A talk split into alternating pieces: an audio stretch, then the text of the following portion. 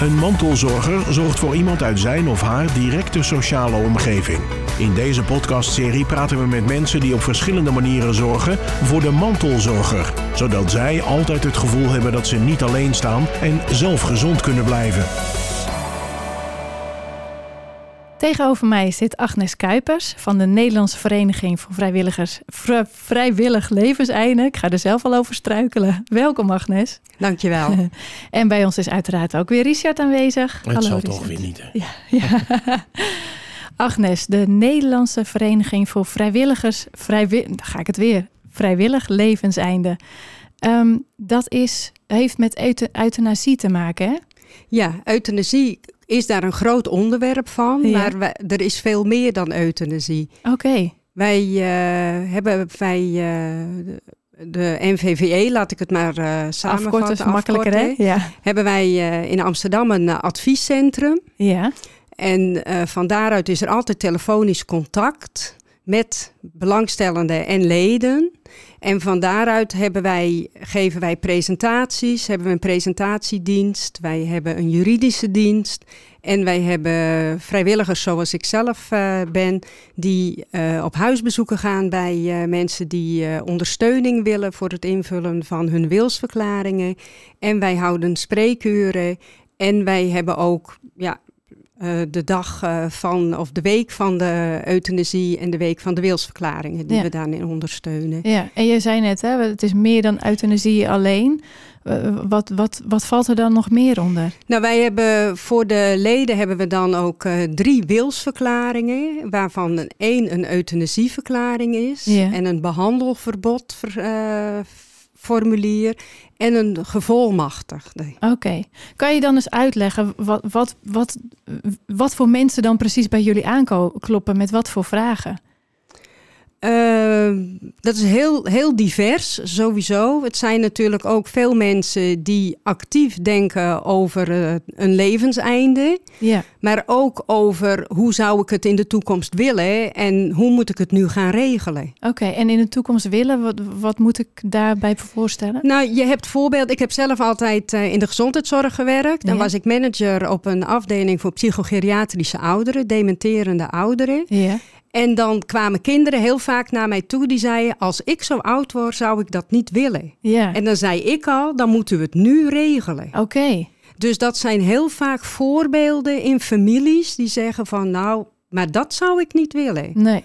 En daar is dan de NVVE een ondersteunende rol in om je voor te bereiden op het vastleggen van. En de volgende stap is heel erg belangrijk om het met de huisarts te bespreken. Oké. En het vastleggen van, wat, wat, wat leg je dan vast?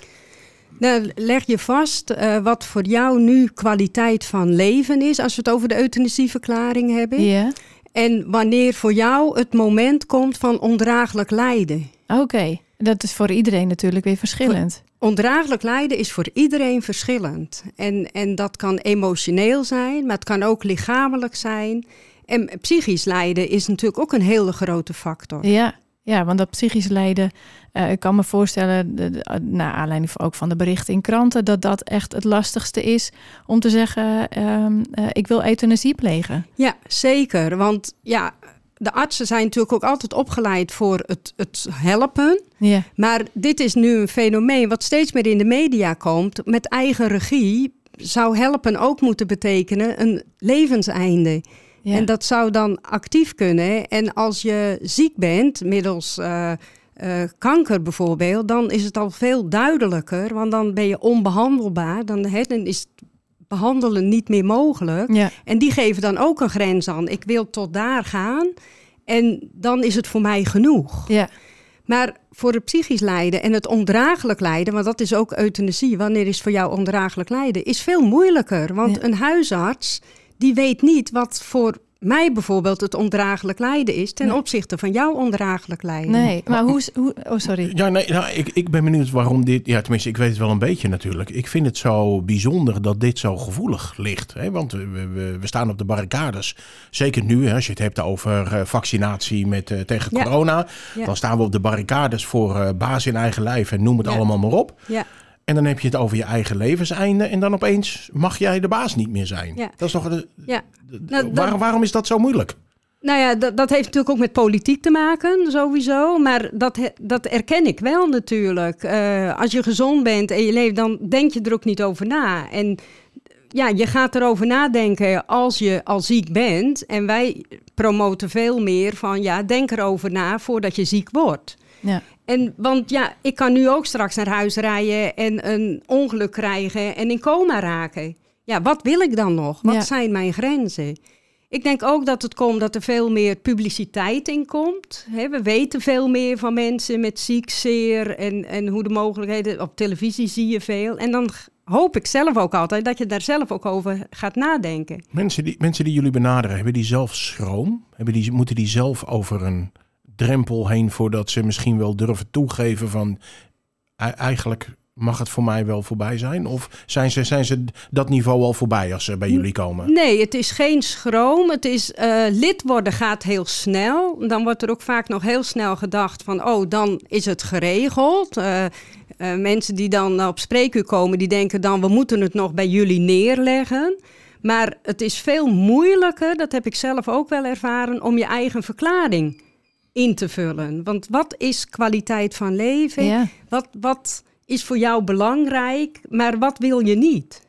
In het begin zei ik zelf altijd van, nou, ik wil niet in het verpleeghuis wonen overgeplaatst worden, mits het nu revalidatie is. Want revalidatie is nu ook in het verpleeghuis. Ja. Dus je, je bent er eigenlijk altijd wel mee bezig. En als je dan situaties of casussen in de praktijk tegenkomt, ga je er zelf ook wel weer over nadenken. Ja, maar dat is natuurlijk wat jij ook in de praktijk tegenkomt. En eh, ik heb daar niet mee te maken, dus ik kom dat niet tegen iedere Nee. dag. Nee. Hoe weet je dan wat, wat voor jou eh, kwaliteit van leven nog is?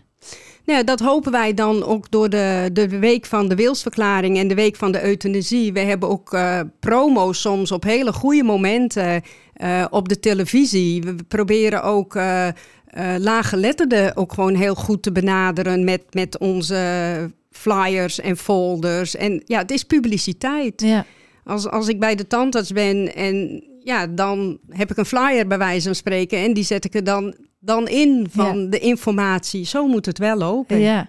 En, en maar eh, hebben jullie ook een soort van model of, of een vragenlijst dat je, dat je, dat je in ieder geval ehm, eh, eruit kan halen van nou, dit, dit is voor mij wel duidelijk dat dit kwaliteit van leven is. Hoe, gaat Ja, dat? nou dat is het allerbelangrijkste om daar de ondersteuning ook in te geven. En als Ja. mensen op spreekuur komen die zeggen, nou ik ben lid en ik heb hem, maar ik weet niet wat erop moet. Ja, Dus wij hebben nu ook weer heel actueel, hebben wij de vragen die er dan zijn, eh, met antwoorden hebben we dan, geven we mee, of ze staan op onze website. Mensen die digitaal zijn kunnen natuurlijk eh, naar onze website met je eigen account. ja, En dan kunnen ze dat gebruiken. Want het kan niet zo zijn dat je het letterlijk over kan nemen, want dan is het weer of de NVVE het bepaald heeft. ja, precies. En dat is je grens. Dus wij Ja. geven ook altijd aan van doe het met uw eigen woorden. Ja. En dat is wat wij eh, ook wel als, als tegenhanger zien. Eh, mensen komen nu wel eens bij me. Ja, ik heb alles in mijn levenstestament eh, opgeschreven. En dan iemand heeft hem soms gewoon mee en laat hem dan lezen. Maar dat is allemaal hele moeilijke tekst. Ja, En daar staat niet in van hoe mijn kwaliteit van leven is. nee. Maar een levenstestament is wel heel belangrijk voor andere zaken. Voor het financiële aspect en, en voor anderen. En dit hoort gewoon vanuit jezelf bij de huisarts. Ja. En Is, is dat dan ook het verschil? Een levenstestament sluit je af zeg maar bij de notaris. En, Ja. en, en dit hele verhaal, de, de, wat, wat noem, hoe noem je het ook weer? De wils, de wilsverklaring verklaring, die... ehm, bespreek je met de huisarts. ja. En voor een levenstestament heb je ook een gevolmachtigde. Maar dat hoeft niet voor de euthanasie of de wilsverklaringen dezelfde te zijn. Ah, Want misschien heb je wel een kind die is heel goed in de financiën, maar een andere kind is heel goed in gezondheidszorg en die staat achter mijn visie. Want dat is natuurlijk ook nog heel erg belangrijk. Want er moet ook echt een, een, een Een getuige... gevolmachtigde. Nee, eh, geen getuige, maar een gevolmachtigde. Als ik niet meer in staat ben om mijn eigen wil mondeling aan te geven, Ja. is het belangrijk dat er een, iemand gevolmacht is om mijn woorden te verwoorden naar de behandelaar. Oké. En, en die staat ook in die Die wilsverklaring? staat ook in de gevolmacht, in een van de drie formulieren. Oh, Oké, kun, je- kun je ja. dat een beetje zien als een soort van eh, advocaat voor jou, die jouw zaak ga- gaat bepleiten dan Ja, ja. op het Ja. moment dat je het zelf niet meer Ja, kunt? ja, Ah, ja. ja, met de medici. Ah, Ja. ja, Ja. oké. En als je na een jaar een situatie hebt en je leest hem eens door. En ja, recent is er weer een nieuwe ontwikkeling eh, gekomen. Zoals eh, ja, de arts die dan eh, veroordeeld was. Want die had de dementerende euthanasie met euthanasie geholpen. Maar was vergeten erin te schrijven. Die, die- in de wilsverklaring stond niet van als ik het niet meer kan, mag ze iets in mijn koffie stoppen. Hè, om er rustiger te worden. Dat was de actualiteit. Ja. Dan zegt de justitie van als dat erin gestaan had, was het weer wat makkelijker geweest. Oh, dan ja. ga ik ook weer naar mijn eigen verklaring toe om te kijken, oh wat heb ik er eigenlijk op gezet. Ja. Dus, En als- dus, eh, wacht even hoor. Dus je zegt eigenlijk, ehm, eh, als jij in je wilsverklaring hebt staan dat, ehm, ik noem nu even iets heel geks misschien, dat iemand een kussen op je gezicht drukt en dat je dat prima vindt als je in dat stadium bent, dan is dat oké. Ja, dat is wel heel cru, want dat Ja. is natuurlijk een vreselijk eh, iets, want dat heeft niet met euthanasie te maken. Nee, maar ik kan me wel voorstellen dat als jij ehm, eh, zo ziek bent en eigenlijk niet meer in staat bent om, om nog maar te zeggen wat je, wat je wel of niet wil, dat je dat, dat dan als uitweg hebt.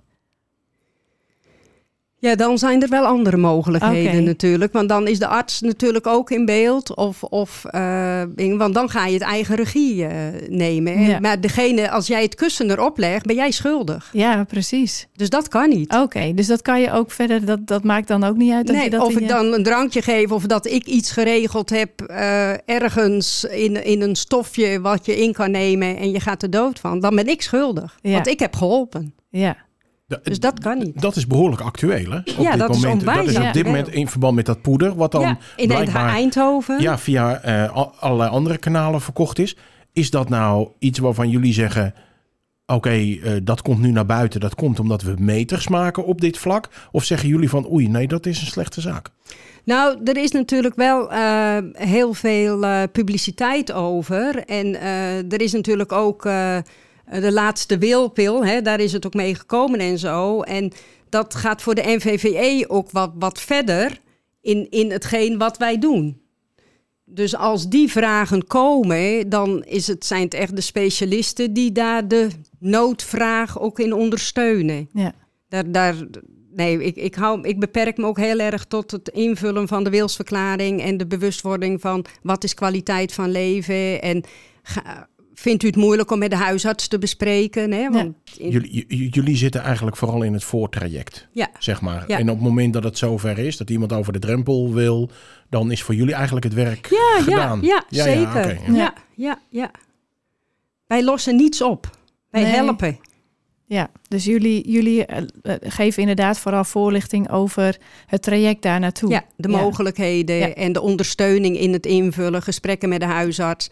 En ja, als je denkt, goh, ik wou, zou wel willen weten of mijn huisarts eh, ook voor euthanasie open staat. Ja. Nou, dan is het een eye-opener van, bent u bekend met euthanasie? Ja, En dan zal een huisarts zeggen van, ja, ik kan het, maar ik doe het zelf niet. ja. Dan kan een huisarts gewoon wel zeggen van, je kan daarheen. Of iemand krijgt gewoon een blaadje van de NVVE mee. Of Ja. die zegt, je moet de NVVE eerst bellen. Dus je bent ook niet eh, gebonden aan je eigen huisarts eh, om een wilsverklaring te laten tekenen. Nou, de huisarts tekent ook niet. Het belangrijkste is dat die in je dossier komt. Oh, Oké, Want als ik in het ziekenhuis kom en een andere behandelaar die heeft informatie nodig, gaat die altijd naar mijn huisarts. ja. Want dat is de spil. Ja. Dus daarom zeggen wij altijd dat is het allerbelangrijkste om hem in je dossier te hebben. Ook al eh, werkt die ehm, huisarts niet mee aan euthanasie. Ja, ja. Ja, ja, want dan weet de huisarts dat ook. Want je hebt een gesprek aan, eh, gehad met de huisarts. Wij geven ook altijd aan, doen een dubbele afspraak maken, want het is nog een belangrijk onderwerp. ja. Dus de arts heeft ook altijd zijn aantekeningen gemaakt. ja. En als de huisarts zegt van, nou, ik zie het wel en ik sta erachter, maar ik eh, kan u daar niet verder bij helpen, dan is het expertisecentrum euthanasie, dat is een, een tak die vanuit de NVVE opgezet is. Vroeger heette het de levenseindekliniek, die dan daar groepen artsen en verpleegkundigen hebben om te helpen met euthanasie. Oké.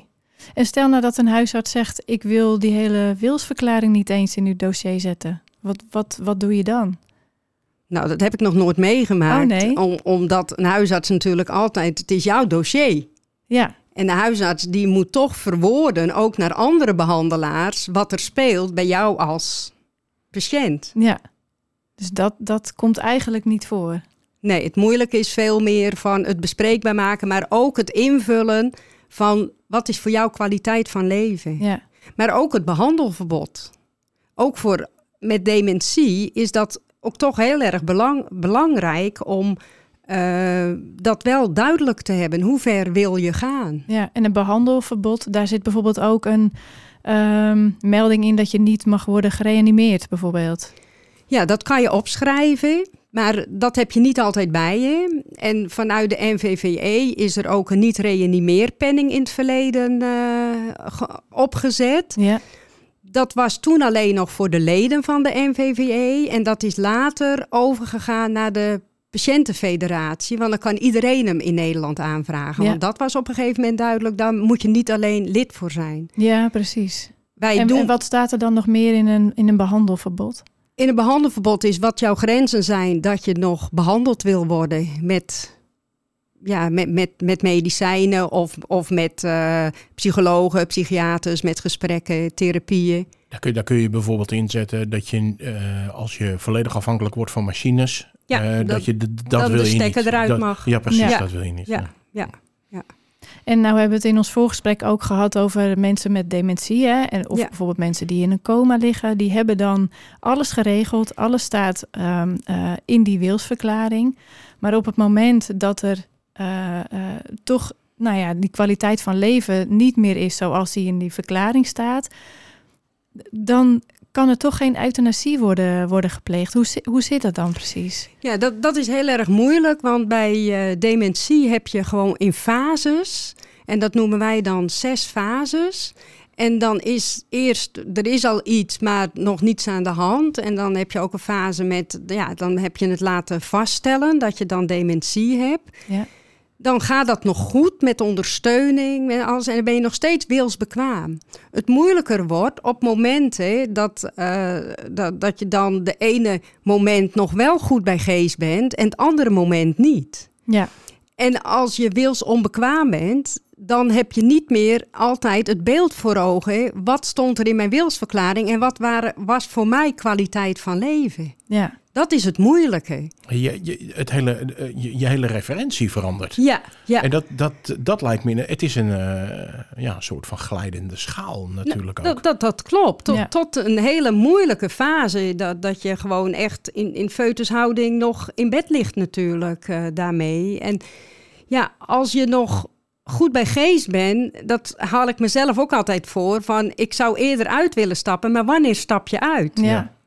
En Want dat, je, je kan dus ook niet eh, bijvoorbeeld aan die, moet ik even de naam eh, terughalen, die ook die wilsverklaring dan eh, eh, ondertekent. Die, niet de getuige, maar de. de, de, De vertegenwoordiger, de vertegenwoordiger, gemachtigde. Ja. Ja, de- de- die mag dan ook niet zeggen van jongens, dit staat in die wilsverklaring en, en, en dit is eh, eh, hoe, hoe diegene niet meer wil leven. Nee, want dat kan wel. Dat, dat is heel goed dat die datgene aangeeft. Maar als de, degene al verder is in het eh, proces en je bent wilsonbekwaam en de arts vraagt aan jou, wilt u dood? Dood? Nee, helemaal niet. Ja.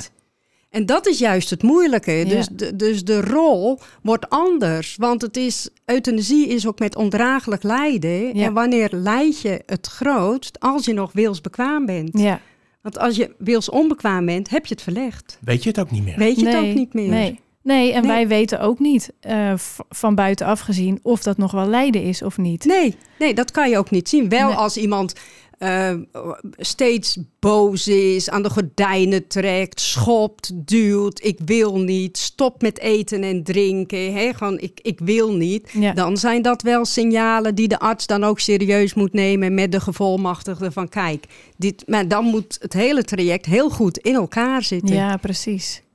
Ja. Dat, dat is dan het allerbelangrijkste daarmee. Maar het is het allermoeilijkste. ja. Gaat dat nog veranderen, denk je? Dat- ja, ik hoop het. Politiek Ik- ik- gezien misschien. Politiek, D66 heeft natuurlijk met Pia Dijkstra een hele belangrijke eh, stap gezet. Ja. En eh, ja, je hoopt dat, dat dat wel meer eigen wordt, meer regie. En Henk Blanke, ook een schrijver die nu Parkinson heeft, waarvan ook natuurlijk de Alzheimer een, een gevolg kan zijn, Ja. die strijdt heel erg voor dat zijn partner of kinderen mogen zeggen wanneer mijn grens bereikt Ja. is. Ja. Want hij zegt, ik wil nu nog niet uitstappen. Nee, precies. Is, is dat de grootste groep? De mensen die bang Ja. zijn voor Parkinson en Alzheimer? Ja, ja, ja, ja, heel erg veel. En die hebben dan ook heel vaak wel de voorbeelden van familie, van ouders of, of van, van opa's en oma's. En dat is echt heel erg groot. Maar je moet als, ehm, eh, als, als vertegenwoordiger, zal ik maar zeggen, moet je ook wel sterk in je schoenen staan. Op het moment dat je weet dat iemand gezegd heeft, oké, dat is voor mij.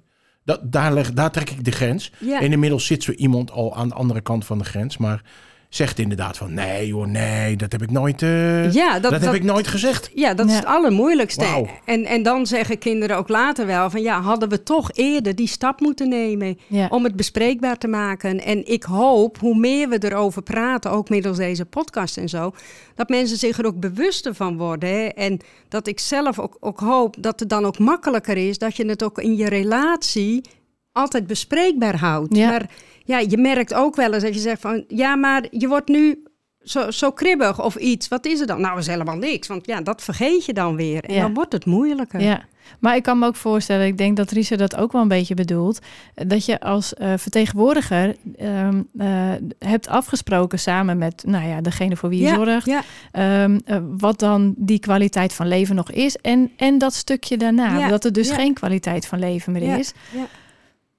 Hoe, hoe ga je daarmee om als vertegenwoordiger? Hebben jullie daar ook eh, eh, handvaten voor bijvoorbeeld? Nou, wij zitten meer in het voortraject natuurlijk. Ja. Niet op inhoud. We zijn geen behandelaars en Nee. geen, geen verzorgers. nee. Maar als die vraag komt, proberen we daar wel objectief naar te laten kijken. Hoe Ja. kijk je er naar aan en hoe kijk je er tegenaan? Want ja, dat zijn toch hele belangrijke stappen. Ja, maar ik kan me ook voorstellen dat, eh, dat je van tevoren dat al een beetje wil weten. Dat je voordat je zegt ik ben vertegenwoordiger, ehm, eh, dat je ook weet in, in maar ja, heel veel mensen zullen Ja. misschien niet eens weten wat er allemaal op hen afkomt. Nee, maar daarom zijn die formulieren ook zo belangrijk. Want je moet als mm, die de wilsverklaring invult, wel met je vertegenwoordiger in gesprek. En Ja. het is natuurlijk heel erg mooi als de vertegenwoordiger ook met, met, met de, de, de cliënt of met de patiënt naar de arts gaat, zodat je ook samen het verhaal hebt. Ja, ja, En ja, je wil het allerbeste voor diegene. zeker. Ja, Waar, waar ik even benieuwd naar ben, en, want we hebben hier Marianne Weel van het mantelzorgcentrum hebben we ook bij ons. Die is er altijd, dus een stille kracht op de achtergrond. maar hoe vaak, hoe, hoe vaak lopen jullie hier tegenaan bij mantelzorgers bijvoorbeeld? Eh, Vaak.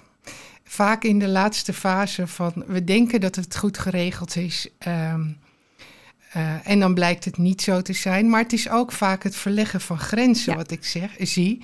En dat vind ik dat u dat heel mooi in deze podcast uitlegt. Het, het leiden tot wanneer. Ja. En dat dat echt eigenlijk is als je het zelf niet meer weet. En eh, er is gewoon nog heel veel over onbekend. Dus eh, ja, ik hoop ook dat deze podcast bijdraagt tot een mooie discussie. En Ja. erover nadenken. Ja. ja. Want wat, wat doen jullie nu dan als, als een mantelzorger, eh, ja, die, die loopt tegen dat probleem op? Wij verwijzen, ik verwijs eigenlijk altijd door naar de huisarts. Maar we zien gewoon dat huis, de rol van huisartsen best veranderd is. Vroeger kwamen ze heel vaak op eh, even langs. Ja, Eh, en ik zie dat dat eh, heel sumier zo niet, niet gebeurt. Dus dan zijn mensen eigenlijk ontredderd. Ja. En ik ben ook heel blij met de vereniging van NVVE. Eh, dat ik mensen nu, eh, nu kan doorverwijzen. Ja, ja. En eh, op de website van eh, jullie kan wijzen. Want dat zal zeker ja, bijdragen. daar Ja. staat al heel veel informatie. Worden ook eh webshop of eh, workshops gegeven. En waar ook open inschrijving is, hoef je ook nog niet eens lid te zijn om die te volgen. Om deze discussie met elkaar te voeren. Ja, ja en, en daarmee dus ook weer iedereen bewust te maken van Ja. eh, hoe, het, eh, hoe het allemaal werkt. Ja. Agnes, dankjewel. Uh, we hebben nog heel veel vragen, maar ongetwijfeld eh, komen we daar wel weer een andere Nou, keer op misschien een terug. andere keer. ja. In ieder geval bedankt eh, voor je aanwezigheid. Ja.